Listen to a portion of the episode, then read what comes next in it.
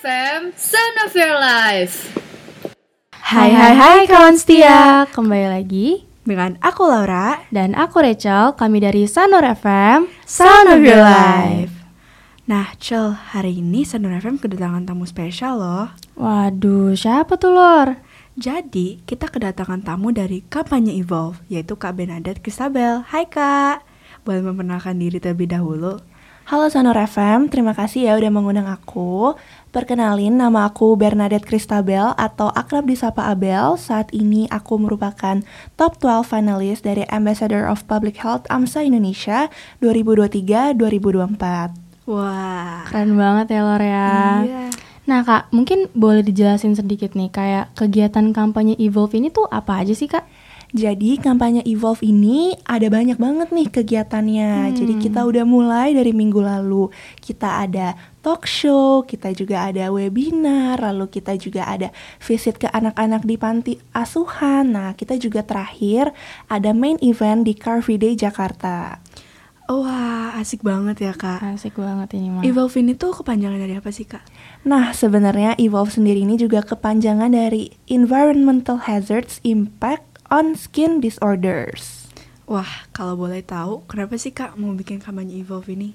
Nah, jadi kampanye Evolve ini kan merupakan dampak kerusakan lingkungan terhadap kesehatan kulit nih ya. Jadi kan seperti yang kita semua tahu saat ini tuh Jakarta dan sekitarnya isu tentang polusinya tuh sedang marak sekali ya. Oh iya Hmm, Bahkan aku baru cek hari ini menurut indeks kualitas udara Jakarta itu di angka 139 di mana konsentrasi PM 2,5-nya 10,2 kali lebih tinggi dari nilai panduan kualitas udara tahunan WHO atau World Health Organization. Jadi bayangin ya sebenarnya seberapa parah polusi yang kita alami sekarang. Nah, ternyata polusi itu tuh tidak hanya ada impactnya ke pernafasan tapi juga ke kesehatan kulit.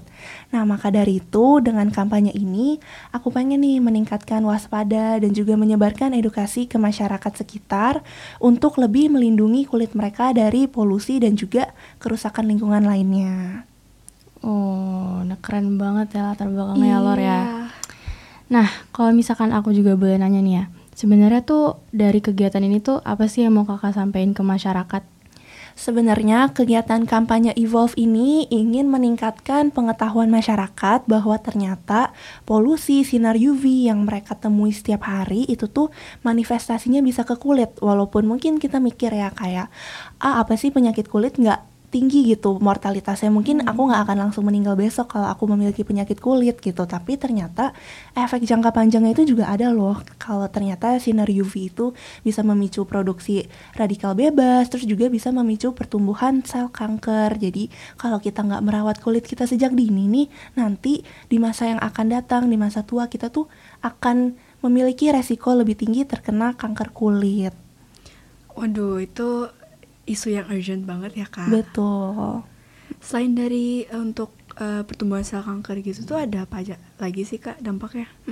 Nah, jadi selain sel kanker kan mungkin kanker kulit itu yang paling parahnya gitu ya. Tapi mungkin nih penyakit-penyakit kulit, kelainan kulit yang kita sering ketemui setiap harinya jerawat gitu.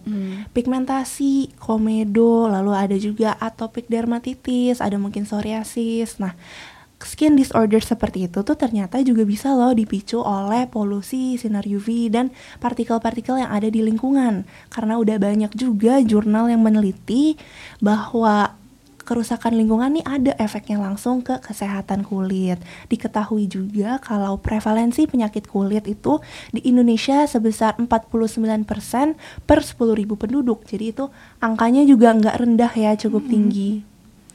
Nah, kalau misalkan penyakit-penyakit yang kakak sebutin tadi tuh gimana sih cara untuk mengatasi atau kayak menanggulanginya dulu gitu? Nah, jadi kalau penyakit-penyakit yang tadi baru aku sebutin kan kayak jerawat gitu tuh belum tentu disebabkan oleh polusi kan bisa jadi hormonal maupun kurang menjaga kebersihan kulit gitu. Tapi cara kita melindungi kulit kita dari penyakit-penyakit kulit seperti itu adalah yang pastinya kalau kita mau beraktivitas keluar ya kita harus nih menggunakan sunscreen. Nah sunscreen ini tuh juga harus yang SPF-nya 30 ke atas. Karena diketahui kalau misalkan SPF 50 dia bisa melindungi kulit sampai 97% Hmm, jadi dianjurkan untuk 30 ke atas SPF-nya dan harus diaplikasikan ulang dua jam sekali karena kalau misalkan sunscreen itu ketika habis dipakai bisa luntur jadi harus nih reapply terus. Eh, untuk penggunaan sunscreen ini kak kayak hanya khusus yang di luar ruangan aja atau di dalam ruangan juga sih kak? Nah, sebenarnya mungkin ini yang banyak masyarakat awam belum tahu ya mengenai sunscreen ini karena mungkin dipikirnya oh iya hanya kalau kita keluar ruangan, kalau mataharinya terik nih kita baru perlu pakai sunscreen. Tapi ternyata 80% dari sinar UV dari matahari tuh bisa menembus lewat celah-celah awan. Jadi kalau kita keluar kita lihat oh ini enggak terik nih, ini mendung atau apa. Itu tuh ternyata masih ada juga kita resiko terkena paparan sinar UV. Dan kalaupun kita di dalam rumah, itu kan sinar UV tuh bisa masuk lewat jendela ataupun lewat uh, tempat yang lain. Oke, keren banget sih kak. Aku baru tahu tentang ini soalnya aku sendiri kan juga uh, tidak menggunakan sunscreen gitu ya. Hmm. Untuk ke depannya aku bakal iya. gunakan. Abis ini kita langsung beli sunscreen gak sih Lor? iya, ayo.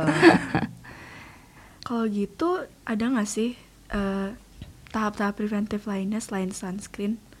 Oke, jadi selain sunscreen, kita nih juga perlu menggunakan moisturizer sesuai jenis kulit kita. Lalu kita juga bisa nih menggunakan kacamata hitam kalau kita lagi beraktivitas di luar. Kita juga bisa menggunakan pelindung seperti topi, lalu juga baju lengan panjang yang menutupi area tubuh. Nah, e, selain itu, kita juga harus rajin membersihkan kulit dan wajah, terutama ketika telah berpergian dari luar ruangan. Maka dari itu nih kawan setia mungkin yang yang masih uh, males cuci muka, lalu juga masih kurang bersih, bisa ditingkatkan lagi kebersihannya agar polusi-polusi dan partikel debu itu bisa musnah dari kulit kita. Mm -hmm. Nah, kak, aku kan kayak kalau misalkan aku pegang kulit aku nih, aku berasa kayak minyakan banget gitu. Nah, tadi kan ada nyebut-nyebut tentang moisturizer nih. Kalau misalkan kayak kulit aku nih berminyak kayak gini, kita tuh masih perlu pakai moisturizer nggak sih kak? Ini tuh merupakan apa ya isu yang sering banget nih dibahas sama kalangan muda dan juga banyak orang kalau ter oh karena kulit aku udah berminyak mungkin aku udah nggak perlu moisturizer karena kan fungsinya moisturizer memang untuk melembabkan gitu ya. Nah tapi ternyata uh, kalau kita tidak meng pakai pelembab kulit walaupun kulit kita berminyak maka tubuh kita tuh akan memproduksi minyak berlebih. Karena tubuh kita ini seperti sense gitu kalau kulit kita tuh kering dan butuh minyak tambahan. Maka dari itu tubuhnya malah akan memproduksi minyak secara berlebihan. Nah moisturizer untuk orang-orang yang mungkin jenis kulit berminyak ini diperlukan nggak cuma di kulit kering aja. Hmm. wow baru tahu aku. Nah ada concern nih kayak tentang penuaan dini gitu ya kalau skin aging gitu ada hubungannya gitu gak sih kak sama dengan polusi lingkungan? Skin aging juga sering banget ya dibahas. Mungkin penuaan dini banyak nih cewek-cewek yang mungkin takut ya skin aging. Maka dari itu kita harus melindungi kulit kita. Karena kulit manusia kan bertindak sebagai proteksi gitu ya Sebagai barrier terhadap polutan udara. Nah walaupun begitu paparan berlebihan terhadap polutan yang terlalu tinggi Itu dapat mengidung, men induksi perubahan keseimbangan kulit seperti kerusakan DNA, lalu induksi produksi radikal bebas, inflamasi. Nah, akibatnya adalah penuaan dini atau skin aging. Oke, nah dari kampanye yang udah kakak bikin ini tuh apa sih manfaat yang mau kakak harapkan untuk masyarakat luas ini? Jadi Evolve ini mengharapkan pastinya agar seluruh masyarakat sebanyak mungkin orang dapat teredukasi dan juga mereka makin waspada akan isu ini, mereka makin cinta akan kulitnya, makin menjaga kesehatan kulitnya juga dan pastinya mereka udah tahu nih tentang sunscreen, tentang moisturizer dan lebih teredukasi mengenai jenis-jenis penyakit kulit yang mungkin bisa terkena kalau kita tidak menjaga kulit kita nih.